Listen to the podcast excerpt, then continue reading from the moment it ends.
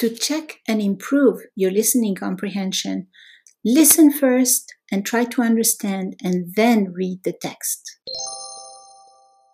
أصدقائي اليوم نتكلم عن العودة إلى المدارس.